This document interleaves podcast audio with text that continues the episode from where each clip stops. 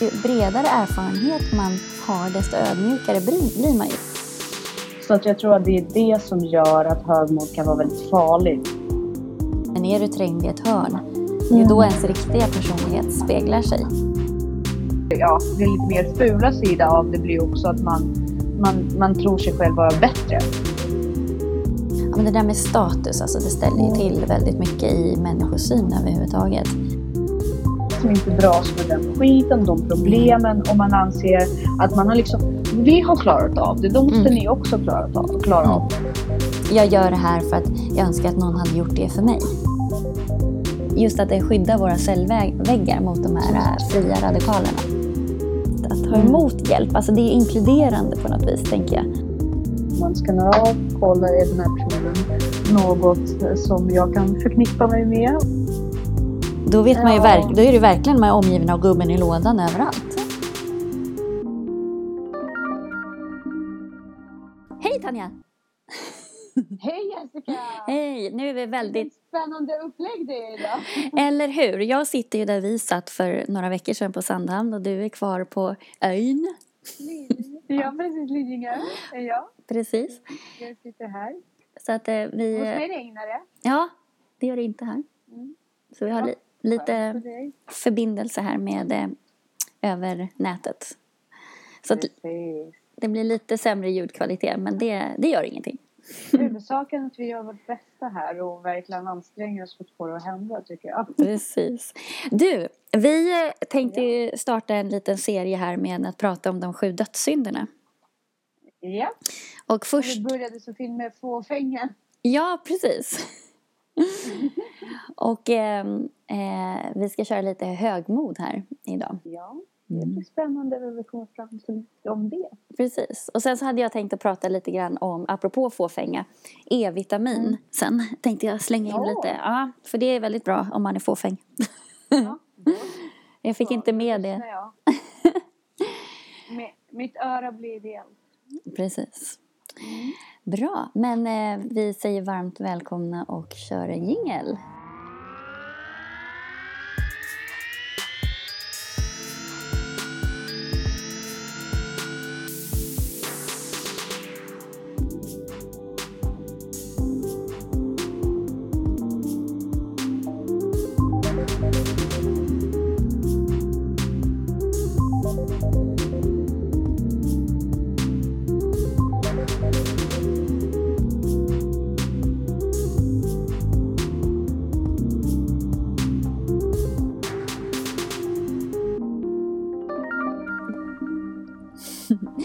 Det här är avsnitt 31 av Ansvarspodden.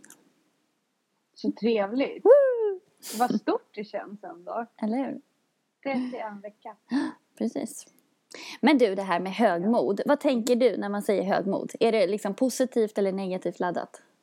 Eh, ja, jag tänker ju negativt laddad när jag tänker högmod. Annars så tänker jag stolthet. Mm. Och stolthet är ju mer positivt laddat i mina öron. Mm. Men högmod är nog eh, en felsida av stolthet. Eller man kan säga det negativa med stolthet tror jag. Mm. Så tänker jag Ja. kring det. Hur tänker du? ja, alltså jag tänker lite så här, vad är skillnad på högmod kontra självförtroende? Lite Mm. grann. Ehm, och högmod är väl kanske en form av självförtroende fast det har gått en lite över huvudet kanske? Mm. Ja, precis.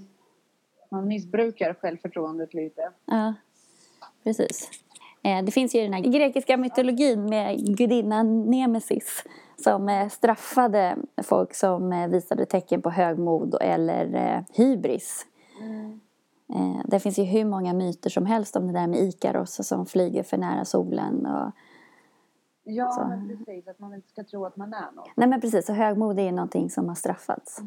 Ja, och i den svenska kulturen eh, har det också det här med lagom. Mm. Som i sig själv på något sätt eh, sätter sig emot högmod Ja, och självkänsla. Ja. Ganska mycket. Och för att man ska försöka sträva att, att vara bättre än någon annan. men det är väl lite det här jantelagen-grejen Ja, också. eh, så att eh, det, ja, i svensk kultur är det ganska negativt laddat också. Mm. med högmod. Men ja, som sagt, för mig handlar det väldigt mycket om att stolthet eh, att man ska vara stolt över sig själv och stolt, uh, stolt över det man gör. Det är mer positivt laddat än att man är högmodig, tror ja, jag. Precis. Nej men absolut, om man tittar i andra kulturer så är det ju väldigt vanligt att man är stolt över vad man gör och framgång mm. är någonting man ska hylla. Medan vi i Sverige är ju lite tvärtom. Ja, ja och om man tänker på USA hur eh, mm, de nationalistiska de är. Ah. Och hur, mycket, hur stolta de är över sitt land och hur, hur mycket de visar upp det. För oss blir det ju väldigt negativt eh, mm. när, när vi gör samma. Och när man, ja, det, det kan ju uppfattas som något negativt när man säger ja men jag är stolt över att jag är svensk. Ja, och det där var ju någon gång på 90-talet när, när på något sätt att vara nationalistiskt, att det blev likställt med att vara nazist. Att liksom, ja. Det blev helt kidnappat hela den. Mm. Och det är ju jätte... Alltså titta på norrmännen hur de ter sig. Och det är jättefint mm. att de kan vara det. Och varför ska ja. man inte vara stolt över sitt land och trivas där man är? Det verkar jättekonstigt att inte vara det, tänker jag. Absolut, och det här är också någonting som är högst aktuellt inför valet och tänker man kopplar Eller lite till det. Ja och Sverigedemokraterna hur de tänker kring det och att det också eh, kan misstolkas. Nu, mm. nu vet ju vi att man verkligen ska kritisk och noggrann när man läser alla partiers valprogram. Ja, men, men just det här att eh, framhäva Sverige mm. eh, ur ett svenskt perspektiv det behöver absolut inte vara något, något negativt. Nej, gud nej, verkligen och inte. Och den svenska kulturen och att man ska bevara försöka bevara så mycket som möjligt av den och så. Och det inte ska ses som något negativt. Nej, liksom. Nej men precis. Nej men mm. exakt. Och det är ju lättare att ena någonting som man är stolt över på något vis. Och skapa någon ja, form av enighet. definitivt. Och, eh, när man, när man, men också när människor känner sig delaktiga. Mm, jätteviktigt. jätteviktigt. Är det det som gör att högmod kanske är lite fult? För att man, man känner sig inte så tillhörande med någon som är eller jag vet inte. Förstår du hur jag menar? Jag att, förstår. Att om någon är väldigt... Jag tror att det blir ofta så. Att det är avundsjuka egentligen. Men, jag tror inte riktigt att man kan vara högmodig om man inte kan vara det på någons bekostnad egentligen. Oh, men gud vad intressant, utveckla det. Eh, jag tror att högmod kräver att man kan liksom sätta sig över någon annan. Mm. Jag, I mina öron är det så. Mm. För att eh, om vi alla är jämlika och jäm, jämnfina och och jämnkulturella då finns det ingen anledning till att vara högmodig, eller hur? Nej. Och då kräver det, alltså i själva känslan, jag tror att själva synden också om vi ska ta det ur ja. det bibliska Precis. perspektivet eh, det, det innefattar ju tanken om att man sätter sig över någon annan eller tror att man är bättre än någon annan. Ja, eller likvärdig gudarna. Att ja, man har hybris. Precis. Så att jag tror att det är det som gör att högmod kan vara väldigt farligt och framförallt att många känner sig hotade av det. Men å andra sidan så har ju gudarna satt sig över människan så de är ju då per definition högmodiga.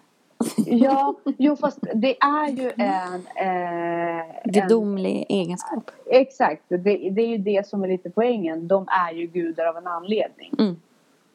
För att de kan saker som inte människorna är tillåtna. De, de är odödliga, vilket människorna inte är. Och mm. då är ju de högmodiga de är inte högmodiga, de är bara en annan art som ja. är över. Precis.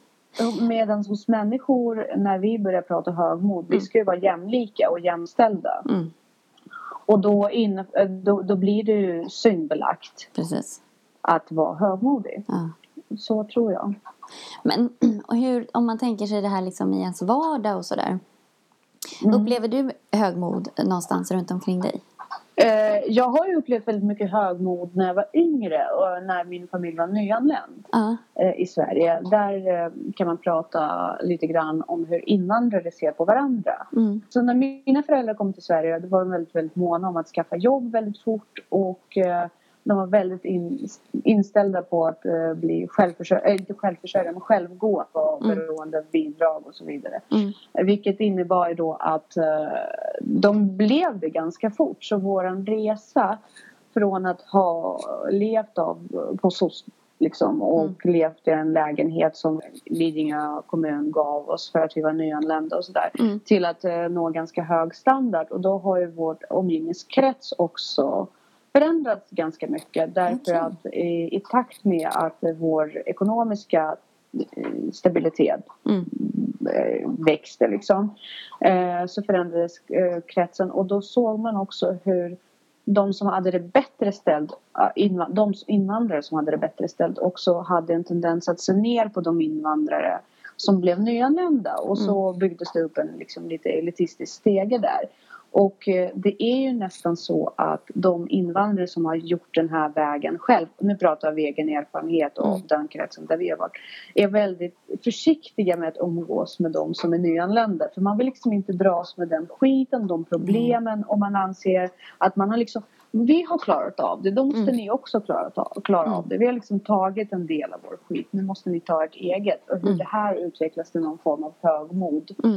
Mm eh, gentemot de som är nyanlända och hur det i sig också har flera olika nivåer. Om man bor i bostadsrätt, om man inte bor i bostadsrätt. Så jag tror att eh, många invandrare är väldigt eh, liksom medvetna om det här ekonomiska steget som man, man klättrar på. Mm. Har man bil eller inte och så vidare. Mm. Vilken skola barnen går i just utifrån de liksom svenskarna i deras ögon är nästan tillåtna att leva hur de vill. Mm. Medan invandrare måste ha en speciell standard för att man ska liksom på något sätt umgås med varandra. Ja, men är det det där liksom att man kommer därifrån, man vill inte tillbaka dit? Det kan man kanske känna själv om man har haft en period i sitt liv som man inte är så stolt över eller man mådde dåligt just där då. Då kanske man inte ja. söker sig ja, tillbaka man, dit. Jag tror att det blir, det blir, det blir också psykologiskt. Man vill inte liksom bli påmind Nej. om det. Och man, absolut, men det, det, det onda, eller ja, det lite mer fula sida av det blir också att man, man, man tror sig själv vara bättre. Okay, ja. Så istället för att liksom på något sätt, ja men jag har varit med om det här, jag vet, jag mm. kan hjälpa dig ut ur det här så blir det nästan tvärtom. Det så här, håll dig borta från mig med dina problem. Ja. Så att uh, det, det kan jag känna igen och det kan jag känna igen både allmänt i, som nyanlänt och mm. flyktingmässigt och, eh, men även eh, in, väldigt mycket inom den judiska eh, församlingen, ska jag säga, mm. men judiska kretsarna som jag också är uppvuxen i. Mm. Där, man, där judar gärna delar in sig i olika typer av judar. Mm. och eh, tyvärr inte vill beblanda sig med de som har det sämre ställt och så vidare. Och så vidare. Så att, ja, det är en ful sida av högmod och, och väldigt tydlig, väldigt tydlig för barn också. För att man är ju också väldigt mån om vems barn man, dina barn umgås med och så. Så där har man ju fått eh, en platt hand i ansiktet många gånger som barn också. Okay. Även om det sker subtilt liksom. Ja. Men man känner ändå av det som barn. Men undrar om det är en av anledningarna till att SD är ändå relativt starka inom invandrargrupper också? Det tror jag definitivt. Mm. Det tror jag definitivt. Jag tror att invandrare är mycket mer snåla med att dela med sig av Sverige än vad eh, svenskar är. Mm. I alla fall ur min erfarenhet. Jag tror inte att jag har träffat lika många svenska invånare som har eh, så många rasistiska tankar som i alla fall ryska okay. invandrare har. Men ja, så att äh, återigen, jag vill inte provocera någon, jag pratar ur min egen erfarenhet. Så att jag tror definitivt att invandrare kan vara väldigt högmodiga, rasistiska och mm. anhängare till grupper som är invandrarfientliga. Men först när de själva in, anser att de har nått en viss gräns mm. eller ja, nivå av ja. ekonomisk välfärd. Men så att det kanske har lite med rädsla och sånt att göra också? Att man Ja, man är ju rädd. Ja. Det, är det, det, det är därför man också vill distansera sig från det. Ja. Man är ju rädd för det. Dels är man rädd för att man dras ner i det mm. igen. Och dels är man rädd att någon ser dig som en mm. av dem som har lägre status. Mm. Att man inte vill bli igenkänd av som fel sorts invandrare. Ja, men det där med status, alltså det ställer ju mm. till väldigt mycket i människosyn överhuvudtaget. Det är ju super... Ja tråkigt. Men jag tänker också på det här med empatin som du var inne på. För att motsatsen till högmod är ju ödmjukhet. Mm. Och det är väldigt, väldigt ofta upplever jag att folk egentligen inte känner empati förrän man har varit i den sitsen själv eller upplevt det mm. själv. Som man verkligen förstår konstigt. på riktigt. Visst är det konstigt. Ja, och det är väldigt och, synd. Ja, det är väldigt synd men jag tror också det är väldigt naturligt för att på något sätt jag tror att ja, undermedvetet så upplever man att det är någon form av rättvisa som sker. Mm. Jag har klarat mig ut ur det här själv. Då ska de andra vara tillräckligt starka för att göra det själva också. Mm. ingen hjälpte mig minsann, då ska, jag, då ska de få ta, ta, Istället för att också. Så tänka så blir här, någon- men gud jag vet hur svårt det kan vara. Jag hjälper till. Eller liksom, jag, jag gör det här för att jag önskar att någon hade gjort det för mig. Mm, ja, men jag tror, ja, jag tror att det också har att göra med hur man är som människa, hur man tar sitt ansvar, hur Mm. man har, vilken världssyn och människosyn man har. Och eh, hur mycket stöd man har i sin omgivning. För vi- vi var ju inne på det här med självkänsla. Hur trygg är man som person? Ja. Och är man tillräckligt trygg i sig själv för att inse att du blir inte hotad av att någon annan också får det bra. Nej. Så tror jag att man definitivt kan göra rätt för sig och eh, odla fram den här formen av ödmjukhet där man kan dela med sig av erfarenhet och hjälpa någon. Ja.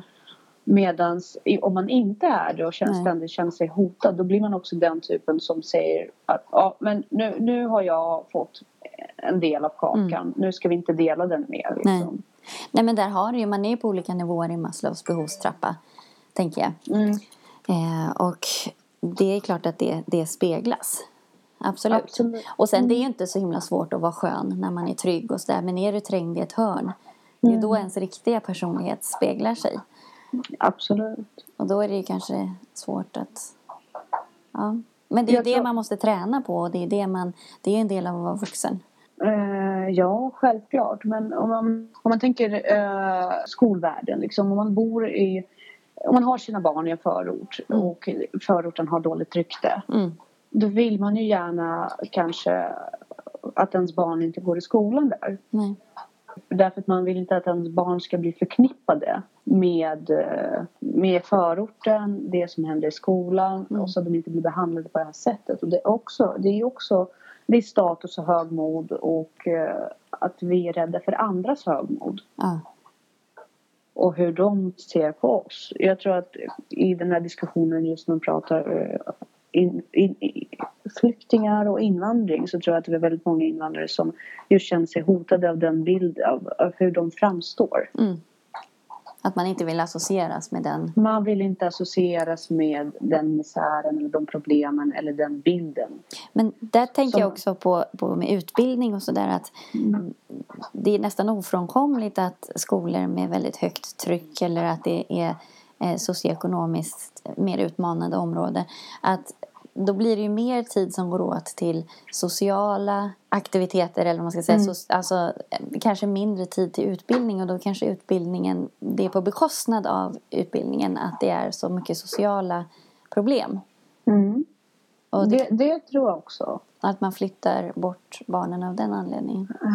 Det tror jag också. Men sen så finns det skolor som faktiskt har det bra. Men Mm. med, i förorter också. Som Mm. är väldigt trygga och bra skolor. Och, da- ö, och förskolor och så. Mm. Men, men vi hör ju sällan om dem. Mm. Uh, och uh, ur min erfarenhet så har ju lärarna liksom också sagt att det, är inte, det ser inte bra ut på meriterna. Nej.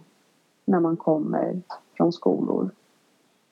Som- Fast det är väldigt trångsynt för att egentligen borde ju det, för det för ju med sig massor av andra erfarenheter som Mm. är jättesvårt och för någon som är uppvuxen på Lidingö eller i Djursholm eller så att ens förstå. Så att, Mm. att dissa det helt känns ju väldigt konstigt. Men jag tänker också på det här med högmod att det finns ju i de här i andra kommuner också. Alltså det finns ju på Lidingö och det finns Ja. fast det ter sig på ett annat sätt. Eh, Definitivt. Och det, där finns det ju också en, en hierarki och det finns att folk ser ner vi- på andra och sådär. Så att, Ska vi öppna den eh, Pandoras ask. Ja, ska vi göra det? Nej, jag gillar Lidingö jättemycket. Jag tycker att det är en trevlig, trevlig förort. Eh, men det är klart att det finns sina baksidor också. Absolut. Och jag kan säga jag som är lägenhetsbarn Mm. och som nu bor i lägenhet. Mm. Jag kan definitivt känna av den biten. Liksom hur man skannas av av andra föräldrar ibland Mm. och andra bekanta som Mm. bor på Lidingö. Jaha, var bor ni på Lidingö? Mm. Och har er villa, er lägenhet? Vilken bil man kör och sådär. Så Ja. att det, det, det, det kommer där. Det, det, det är ofrånkomligt. Liksom. Ja, men det, har, det märker man ju så tydligt. Jag har en sån där grej som, som det gick upp för mig att det är så tydligt att Mm. när folk tror att de vet vem man är. Eh, Mm. jag var ute här på Sandhamn för jättemånga år sedan och sen så träffade jag Eh, några som verkligen inte hade liksom, skänkt mig speciellt mycket tid. Och sen så bara, ah, men vad kul, vad gör du här? Jag bara, nej men jag har hus här. Efter det så blev jag behandlad helt annorlunda av de här människorna. Ja. Ja, och det, det händer ju hela tiden. Och eh, den här lilla frågan, så här, vart i Brevik bor du? Ja. eh, som också, det, det är en sorts avscanning. Liksom man vill se vilken social status den personen har. Och liksom. Jag brukar fråga sånt för att så här, om någon bor i närheten då vill man ju veta så här, hur nära de bor. Alltså så här, Ja, ifall man kan ja. hänga. Nej, men- Men sen känner jag ju det. Jag vet ju att du aldrig skulle liksom av denna anledning fråga någon var den person bor. Men du måste ju hålla med om att eh, det är ju en frekvent eh, företeelse på Lidingö. Att folk skannar av varandra. ja, ja, absolut. Eh, du, vil- vilket är verkligen högmod. eh, ja, att men, man ja, men som om det liksom- skulle spela roll. Att att det skulle på något sätt säga dig någonting om en person. Nej, men så. man vet ju ingenting. Man prioriterar att lägga sina pengar på olika saker. Så att Ja, det- men då måste man ju faktiskt känna den personen. Man måste faktiskt eh, vara intresserad av att av något annat. Men eh, det är ju det första man kommer i kontakt med. Det är Mm. liksom, man skannar av, kollar, är den här personen något eh, som jag kan förknippa mig med? Och eh, har man inte samma levnadsstandard, har man inte, så- kör man inte samma typ av bil, Istället då för... har man förmodligen inte samma typ av intressen och livsstil heller. Men gud, jag bara känner så här, om man tittar på ur det perspektivet är ju du och jag superolika. Ja. I och för sig, du, du eh, har ju sagt vid något tillfälle att du tänkte att jag var värsta åkertråk liksom. Ja. Eh, så att, eh, Faktiskt. Ja. faktiskt. Nej men absolut och jag menar vi har inte haft, jag förstår det för att vi har inte haft så mycket, eller hade inte då speciellt mycket privat. Eh, och jag är ju ganska så här fokuserad på det jag gör och lägger inte ner så mycket tid på, an, är jag på jobbet så jobbar jag. Då håller inte jag på och knyter sociala kontakter på det sättet eller liksom sådär. Men där också så här, man vill väl hellre ha kompisar med skön människosyn och som man vet finns där och så. Spelar väl verkligen ingen roll var de bor eller vad de tjänar eller vad de har för bil eller det känns ju helt att liksom vad är det för att basera kriterier för umgänge på det då vet man ju verk, då är det verkligen man är omgiven av gubben i lådan överallt Jo, men, ja, men så är det. Och jag, jag tycker för, eh, liksom, det, är roligt att skaffa jag, jag är ganska mån om att skaffa vänner Ja. ur, ur olika kretsar för att Ja. jag tycker att det är kul. ja, Men, men och det, jag tror att i slutändan om jag skulle hamna i ett sällskap som eh, kanske har en högre social status än vad jag har. Då skulle ju jag säkert hitta sköna människor där också. Och Mm. De skulle säkert uppskatta mitt sällskap. verkligen Men det finns ju, det finns ju gränser. Alltså det finns ju ändå... det finns ju gränser Det, fin- nej, nej, men, ja, det, man sätter ju gränser, men jag menar, det, är inte, det är inte naturligt för mig att hamna i den, i den miljön. Därför att det är liksom socialt avgränsat. Mm. Det var det jag försökte komma fram till. Därför att någonstans finns det ändå inbyggda sociala koder som Mm. inte låter mig komma in där så lätt. men gud vad hemskt det låter Ja, men det kanske det gör. Men så är det. Jag menar, nu, nu var det kanske inte... Men exempelvis, min dotter gick ju på en förskola som ligger en bit ifrån oss. Vilket gör att vi inte grannar. Vi var inte grannar med de som bodde i närheten. jag tror att ni Mm. gick på samma förskola som min son började på faktiskt Ja, men det har vi diskuterat. Ja, just det. Ja. Låt, låt det stanna Ja, låt det stanna där. Eh, och eh, där är ju barnen eh, och grannar i princip väldigt många. Ja. De bor ju väldigt nära varandra och sådär. Mm. Och eh, då har det ju blivit eh, naturligt då att min dotter inte blev inbjuden till så många lekträffar. Nej. Medan andra blev det. Men sen så vet jag att andra familjer som inte bodde lika nära Mm. inte heller blev särskilt eh, nyfikna på oss. Men, eh, av någon anledning. Och det man kan ju undra vad, Ja. kan, vad kan det vara? Fastän Mm. jag upplever att barnen lekte mycket och min dotter frågade Ja. mycket om lekträffar. Och jag upplever att jag lämnade telefonnummer eh, Mm. till föräldrar och sådär. mm. Men blev inte kontaktad. Jättekonstigt. Mm. Faktiskt. Alltså, sen kan man ju undra om det här var liksom eh, tillfällighet eller vad som helst. Men Vi får jag hoppas att det var det. Jag upplever sånt Ja. ganska mycket på Lidingö. Ja, ja. men det är helt förskräckligt. Det blir som en ankdamm. Hur kul är det att sitta vid ett middagsbord där man bara pratar om samma saker hela tiden? Ja, men sen, sen alltså jag som sagt jag är ju den mamman som liksom sket lite i vilket Mm. och eh, mina fredagsutklädningar var inte heller när jag lämnade Elisabeth på förskola och var utklädd. Så du hade dem redan då? Jag hade dem redan då. Så att eh, folk kanske inte De var bara ville- avundsjuka för att de inte kunde servera samma grej till sina barn. Ja, men lite så. Men ja, jag hoppas ju att det här var tillfälligt. Men det är värt att, att ta upp. Verkligen. Men hur, jag tänker på det här med, med ödmjukhet också. Det där är någonting som man måste träna på. Och ju bredare erfarenhet man har, desto ödmjukare blir, blir man ju. Så man blir ju en bättre människa om man har erfarenhet av mycket olika, eller många olika saker. Och det, den erfarenheten får man ju bara genom att utmana sig själv och träffa nya personer och bryta gränser och så. Ja, självklart. Och jag tror att ödmjukhet... det, det är också ganska farligt. Mm. Eh, ibland. Därför att eh, jag har ju hamnat i situationer eh, där jag har försökt hjälpa människor och eh, och det, alltså jag vet inte, de människor, det finns ju, det är svårt för människor att ta emot hjälp också om man är väldigt olika på, på social, eh, liksom, sina sociala status. Mm. För människor är ganska stolta. Så att de vill inte se det som att man är ens, vad är det det heter, välgörenhetsfall. Nej. Och eh, det, det kan också bli väldigt fel ibland. Och jag har råkat ut i situationer där människor liksom inte vågade Mm. tro på att det här kommer från något annat ställe än bara välvilja. Nej. Nej, men där tycker jag att, att det har jag tränat på jättemycket. Att ta emot hjälp eller ja, att jag bara acceptera att okej, jag är inte, jag klarar mig själv. Men, men det är också en trevlig gest att ta Mm. emot hjälp. Alltså det är inkluderande på något vis, tänker jag. Ja, men hjälper någon annan att göra någonting fint. Precis. Men jag tror att det är svårt. Jag tror att det är svårt för en själv, alltså för människor med dålig självkänsla Mm, och självförtroende. mm. Att låta, att bjuda någon på att hjälpa dig. Förstår du? Ja, men precis. För då, då indirekt så erkänner du att du är svag på något vis. Att du Mm. på något sätt skulle behöva hjälp. Men, men är det det man erkänner egentligen? Erkänner man inte bara att säga, men gud vad kul, jag vill öppna upp och ha dig i min, mitt liv? Det tror jag.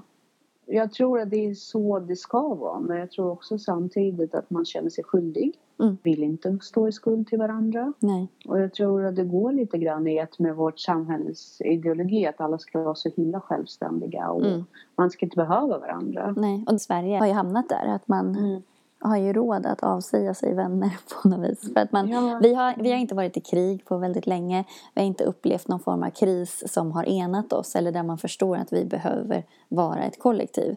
Precis. Och det ser man ju också nu i politiken också. Om man tittar bara på socialdemokratins historia. De, socialdemokratin gjorde, gjorde ju ett jättebra jobb. De har ju behövts och, och där, men de behövs inte längre. Exakt. Eh, Exakt. Och eh, det, det har ju också utvecklat vår syn på vårt samhälle. Att så fort man, man tar emot någons hjälp då, då skuldsätter man sig hos den människan. Mm. Och det Vilket är tråkigt. Ja, verkligen. Mm, tycker jag. Istället för att bara se det som ett sätt att interagera. eh, ja, men precis. Och det är väldigt trist att vi ska vara rädda att eh, bjuda varandra på att hjälpa varandra. Nej, vi slår ett slag för att enas. Men eh, berätta, vad tänkte du prata, berätta om E-vitamin? Ja, är men gud, apropå fåfänga. Ja, ja, men precis. E-vitamin är ju så här eh, supervitamin höll jag på att säga. Det är en väldigt bra antioxidant också. Men att det är bra för huden och för hjärtat och blodkärl och, och, och cellen överlag. Att man får en ungdomligare hy. Eh, till exempel. Och att det är väldigt syratåligt. Vilket gör att det bidrar till de här föryngrande, eller föryngrande processerna ska man inte göra. Men att man, man eh, åldras långsammare. Och vart hittar jag det i vardagen? Ja, men precis. ja, men det hittar man i, i frön, mandel, olika typer av nötter, eh, ägg. Ägg innehåller ju, det är en sån här supergrej, ägg innehåller ju så otroligt mycket bra grejer. Eh, lax, om den inte är så här superodlad. Nu vet jag att man tillsätter vitaminer i vissa laxar. Så, men. Gröna bladgrönsaker, det är också en sån som återkommer hela tiden. Så att där finns det också. Spenat. Spenat, jättebra. Precis. Eh, men just att det skyddar våra cellväggar mot de här mm. fria radikalerna som, eh, i och med att det är en antioxidant. Mm. Eh, precis. Eh, sen så kan man ju så här, det finns ju vissa grupper som behöver eh, extra E-vitamin. Eh, och det är om man röker till exempel för att eh, då... ja men precis, det säger man så här, röka det påverkar huden. Och det är ju lite ja. därför. För att man eh, frisätter de här eh, fria radikalerna. Då behöver man lite extra E-vitamin för att få bort, så att antioxidanterna tar bort de fria radikalerna. Sen så om man intar väldigt mycket järn Mm. så behöver man lite extra E-vitamin också. Eller om man tränar väldigt hårt, men då behöver man lite extra väldigt mycket. Så att, sen också i klimakteriet kan man behöva lite extra. E-vitamin? Ja, precis. Så man kan egentligen inte... Kan man överdosa på E-vitamin? Ja, det kan man. Eh, faktiskt. Så att då får man en högre risk för blodproppar och stroke eftersom det påverkar koaguleringsförmågan i blodet. Men hur vet man att man är i riskzonen för att ha för mycket E-vitamin? Ja, man bör inte äta mer än 12 milligram per dag. Men eh, jag tror jag läste någonstans när, när jag kollade på det här för jättemånga år sedan när man pluggar sånt här. Eh, så har mm. Livsmedelsverket inte noterat något svenskt fall. Det, det är ändå ganska sällsynt. Ja, precis. Så man och då ska du inte vara jätterädd för det. Nej, men det är likadant med D-vitamin är också en sån som man kan överdosera. Men då var det någon som hade blivit jätte, jättesjuk. Eller fått, men han hade typ tagit så här tusen gånger den dagliga dosen i typ så tre år. Då hade han. Ja. så att man får hålla på ett tag. Precis. Det är svårt att åstadkomma. Men sen ska man tänka också att, djup, att när man djupfryser mat och bearbetar, det finns ju säd och så också, om man bearbetar säd, att man mm. lagar, värmer upp det och sådär, så försvinner nästan 80 procent av E-vitaminen som fanns där i, så det ska man tänka på. Men eh, då har jag en annan fråga till dig. Sådana här multivitaminer ja. som, eh, mm. som man intar där det är alla dagliga behov. Och, vad tycker du om det? Det tycker jag inte är att rekommendera. För att vissa av de här vitaminerna, man ska ha lite koll på när man mm. håller på med sånt här. De tar ju ut varandra också. Mm. Så att det är inte, och sen så vissa grejer kanske jag behöver och andra grejer behöver jag inte. Så att man måste utgå från sig själv. Så att bara ta ett sånt här multipiller, eh, det kan ju bli lite knasigt. Alltså man ska ju bara ta det man behöver. Mm. Så, men du som tränar jättemycket mm. och eh, nästan elitidrottare. skulle, skulle, eh, försöker du få in allting i, inom kosten eller? Eh? Nej, jag klarar inte det. Du klarar inte det? Nej, så att jag äter vissa tillskott. Mm. Sen så försöker man ju så gott det går att äta den mat jag äter att jag äter schysst. Men jag har faktiskt upptäckt, tyvärr, även om jag gör av med ganska mycket energi, så att om jag ska få i mig tillräckligt av vissa saker så måste jag, eh, eller då, då får jag i mig för mycket energi överhuvudtaget mm. så att då mm. blir jag ju tjock. ja, precis, det blir ju så. Men eh, då, då föredrar du tillskott? Ja precis. Ja, jag förstår det. Men sen uh. har inte jag, jag är inte så super, super, super, super intresserad av mat. Så att det, det blir att man är lite slarvig, eller man ska jag inte säga, jag är lite slarvig ibland. Och då är det rätt skönt att bara, ja, men jag vet att jag behöver de här grejerna så får jag i mig det i alla fall. Så att, uh, ja. Gud vad, vad skönt det är att vara ointresserad av mat. det är någonting som jag definitivt inte känner igen mig Eller periodvis gör jag det men Eh, jag, jag, kan ju, ja, jag vet inte. Mat är så fantastiskt. Men det, jag har ju missbrukat personlighet. Ja, ja, men det har väl jag också. Det kanske är därför att jag eh, har vänt på det istället. Att jag har mm. skapat något form av ointresse. Eller jag tycker att det är jättekul med själva kemin i mat. Hur saker och ting reagerar. Eh, under upphettning till exempel. Eller hur mm. det reagerar på varandra. Att till exempel eh, järn plockas upp bättre i kombination med C-vitamin. Eh, och att det hämmas i kombination med kalcium och sådär.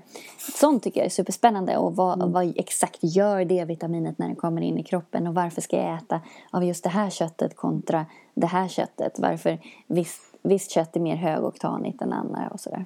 Du är lite av en vetenskapskvinna. Ja, lite så. Mat. Ja, precis. jag, jag, är mer en gurman. Ja. Bara stoppa in mig det.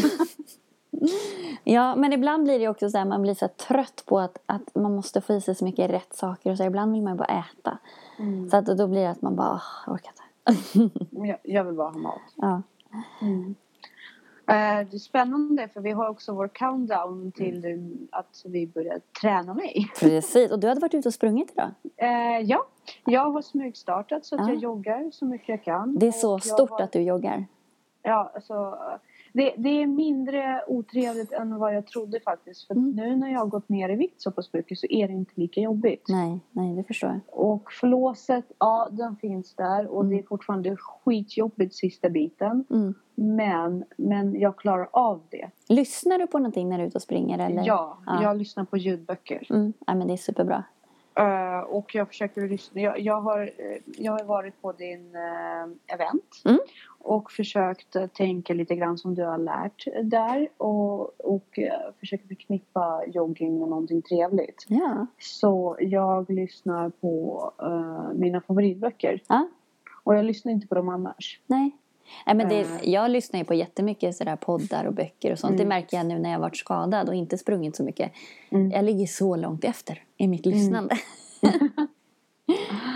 Mm. Eh, annars men, har man inte tid. Har du skadat dig? Det visste inte jag. Jo, men jag, min, det, jag har haft eh, problem med en fot här i, i två år ungefär. Så att, mm. eh, den har varit lite extra illa nu här i sommar. Mm. Så att, eh, men jag... Och, ja. och, och då har du inte kunnat jogga? Jo, men inte alls lika mycket. Jag brukar köra två pass om dagen. Och det har inte ens varit i närheten av det. Eh, får man fråga hur mycket du joggar per pass? Det beror helt på om det är ett intervallpass eller om det är långdistans eller om det är bara liksom återhämtningspass eller vad det är. Men om... Men, på... Jag skrattar inte åt dig och jag skrattar inte åt den tanken. Jag skrattar bara åt att jag skulle aldrig kunna tänka på träning som något som återhämtande. Ja, men konsekvensen blir ju återhämtande. Ja, absolut. Jag förstår hur du tänker. Ja. Nej, men det kan ja. vara allt från, alltså är det ett intervallpass så kan ju det ta en halvtimme. Och är det ett mm. långpass så kan det ta två, dryga två timmar. Jesus. Det beror helt på vad det är, vad mm. syftet med passet är eller vad det är för pass. Ja. Jag har joggat en halvtimme nu. Ja. Jag kör samma runda ja. och eh, Eh, vissa dagar är det mycket svårare. Mm, såklart. Och, ja, och vissa dagar känner jag tjoho! Mm. Och där har jag också börjat tänka rent instinktivt på vad jag äter innan. Mm. Det och jag har märkt att om jag äter pasta mm. då går det mycket enklare. Mm. Jag springer mycket enklare när jag äter pasta än vad jag gör när jag äter kött. Mm. Ja, jo, men, jo, men om man, jag kan ju inte springa överhuvudtaget om jag har ätit innan. Jag måste typ vara jag föredrar att vara hungrig när jag går ut och springer. Aha. Ja, en timme brukar jag vänta, annars får jag håll. Ja. Nej, men jag kan bli så att jag, allt blod bara ligger i magen så att jag får mjölksyra på en gång i överallt i hela kroppen. Om jag ja. går ut precis efter jag ätit. Så ja. Att, Nej men en timme, en timme kan, äh, måste jag vänta. Ja. Men efteråt kan jag faktiskt köra. Sen så kanske det är mycket enklare att jogga på tom mage. Jag har faktiskt inte testat. Men det är en vanlig sak. Det kan vara mm. jättetungt i början innan man vänjer sig. Mm. Ja, och jag har också äh, tagit fram min gamla stegräknare som jag numera har mm. runt handen. Och äh, det visar sig att jag går i genomsnitt, alltså utan träning, 10 mm. kilometer per dag. Det är jättebra det känner jag verkligen. Jag känner mig väldigt rörlig och bra. Så jag tror att jag är i god form för att börja hårdträna. Ja, det ser vi fram emot. jag är väldigt beredd på det. Det kommer vara väldigt spännande. Och jag ser mer fram emot än vad jag trodde. Mm. Att jag skulle göra. Jag trodde att jag skulle börja få ångest inför det ju närmare det skulle komma. Men nej, nej. så har det inte varit. nej, det finns ingen anledning att ha ångest. Ja, jag har ju haft det för, förut. Jag har ju alltid haft ångest.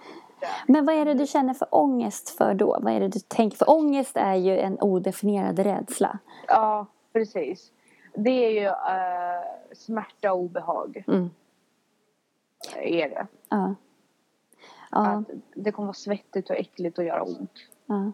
Ja, men det, jag kan ju också få lite, lite lätt ångest inför de här riktigt grisiga Mm. intervallpassen. Men samtidigt blir man ju så här, men man ska bara ta sig igenom det så blir tillfredsställelsen mycket större. Mm. Att det är bara en del på vägen. Nu har jag valt att satsa på idrotter som är lite kämpiga. Jag tänkte på det häromdagen. Bara, varför det gör så ont? Liksom. Mm. varför gör man? Men eh, ja, det är ju... För att jag, jag, om jag ska vara ärlig, eh, jag håller ju på lite med triathlon. Och det gör jag ju inte för att jag tycker att det är det roligaste som finns i världen. Det är ju för att jag går igång på går igång på att göra det. Alltså jag går igång på att vara triatlet. Mm. Jag förstår. Eh, Jag och min man har precis skaffat longboards. ja, Och eh, jag går igång på tanken mm, på mig själv ja, på en longboard. Ja, ja. Det, Ja. det kanske, det, själva grejen är ju, den är, det är ju roligt och Ja. väldigt trevligt. Men det är liksom min självbild Ja. av den här människan Ja. är ju väldigt spännande för mig. ja, men precis. Det är som jag Det- vill vara en triatlet. Ja, men precis. Att jag, där kan jag verkligen förstå. Ja, Det, det är precis som jag tänker med träningen. Mm. Jag, jag, jag fasar ju inför egentligen. Alltså, men du vill ju vara en tränandes människa. Men jag vill ju vara den typen av person och Mm. då är jag villig att betala det priset. Och där är jättebra när man har insett det. För att då kan man alltid fråga sig själv så fort man tvekar. Mm. Om man så här, har planerat in ett pass och så blir man, känner man efter. Och Mm. känner att man är lite trött och lite så här. Då frågar man sig själv så här. Hur skulle en tränandes person ha gjort nu? Ja, precis. Och är och, och liksom tänka på avkastningen. Det är ju Mm. det. Precis. Jag vill ju ha den här kroppen. Jag vill ju vara den människan. Jag vill ju liksom eh, Mm. komma igång Ja. med träningen. Och jag vill, jag vill ju vara en som tar mig igenom de här svåra bitarna. Precis. Och det är där hela grejen ligger. Jag, tror jag brukar tänka ibland för att motivera mig själv för att träna och göra saker som är svåra och jobbiga. Mm. Du vet den här gamla filmen Rocky? Ja, men den är världens bästa låt Eller hur? pepplåt. Men det där pratade vi lite om på eventet också. Det här med Ja. pepp, pepplister. Att man måste ha musik som, som man bara går igång på. Ja, Så men att- inte bara det. Just den här biten där Ja. man liksom kämpar och tränar. Dun, och bara, dun, dun. Ja, men det är det enda man tänker på när man hör den låten. Ja, ja, Ja, men det är lite så här- står där sen på uh, den här trappan. Ja, ja, precis. Och du tänker så här, jag vill vara Rocky. Eller hur? Ja, men det är lite det här underdog liksom på något Ja, vis. men precis. Ja. Jag vill inte vara den som bara svänger tillbaka hem i en eh, liksom alley, en bakgata och åker och springer hem och bara aldrig når den här trappan. Jag vill Precis. upp på den där trappan och hoppa där uppe. Ehm, det är som den här andra filmen om de här löparna, Chariots of Fire. Den har jag inte sett. Det är den här som är så här... Som var...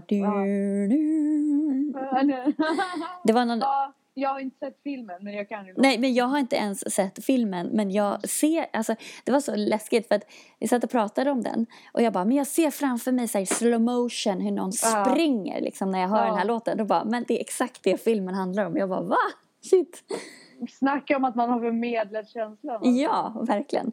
Men alla de här låtarna har ju, vet du vilken skämslåt jag har på min eh, springpepplista också? Nej berätta. Vignetten till Dallas. Nej! Älskar den! Ja, Så men, peppig. Alltså, men Flashdance. Ja, den är också med. Jag visste det. Ja men det är ju så här feel good låtar Ja. och bara, de bara sätter igång en. Eller hur? Mm, ja men de, de där låtarna är ju bra, de är fantastiska. Man ska ju göra en sån egentligen, jag ska också ta och göra en sån lista. Men du vet- gamla godingar. Det finns en, eh, en lista ute på Spotify som, som jag har lagt ut som heter Ansvarspodden. Aha! Med massa peppiga låtar. Aha! Titta, jag ska faktiskt ta och adda den och börja följa. Ja, Spännande! Ska se om den, imorgon ska jag faktiskt ut och långboarda hela dagen har Oj, tänkt. Vi får se vad det slutar med. ja. Så, eh, men vi har ju extremt duktiga. Vi har hjälm och alla typer av skydd. bra där. Så att eh, om jag ramlar och slår mig så eh, finns det faktiskt ingen anledning för mig att inte jogga på kvällen. Nej, För att då har jag skydd. precis. Ja. Nej, men du, det låter toppen. Då Ja. kanske, klockan är ganska mycket nu, så att, eh, då kanske vi behöver gå och lägga oss här för att du ska orka upp imorgon. Ja, faktiskt. Jag skulle uppskatta det. Ja, Och faktiskt ta mig igenom den här dagen som longboardist. eller hur? Ja, Eller asfaltsurfare som man kallar sig för eller hur? Ja, men det är bra. Passande namn. Ja. Ja, jag ska upp och hålla ett eh, cross-training-pass också imorgon bitti. Jag... Åh, spännande. Eller hur? Jag ser fram emot den tiden när jag kommer orka följa med på dem. Klart, du orkar ju redan nu. Jo, men du vet när jag faktiskt kan vara nöjd med det jag åstadkommer. Jag, jag kommer faktiskt att haka med på mer av sådana grejer med dig. Ja, jag. roligt. Så fort jag är lite mer igång. Du är så välkommen. Tack så mycket. Tack så mycket. Men eh, ska vi eh, säga tack och hej? Ja, absolut. Vad roligt det var att, ändå, att vi fick ändå till det här. Ja, men det, här har varit, det har varit en planering kan jag säga. Aha, den här veckan har varit, här ja, den här veckan har varit lite otursförföljd. Den, ja, den har varit kämpig. Så att nu är det ganska skönt att den är över och vi kan ägna oss åt eh, trevliga eh, idrottsaktiviteter. Eller hur? Men eh, du får ha en trevlig helg. Tack så mycket Jessica och tack för den här podden. Tack själv. Ha det bra. Detsamma. Puss puss. Puss. Hej.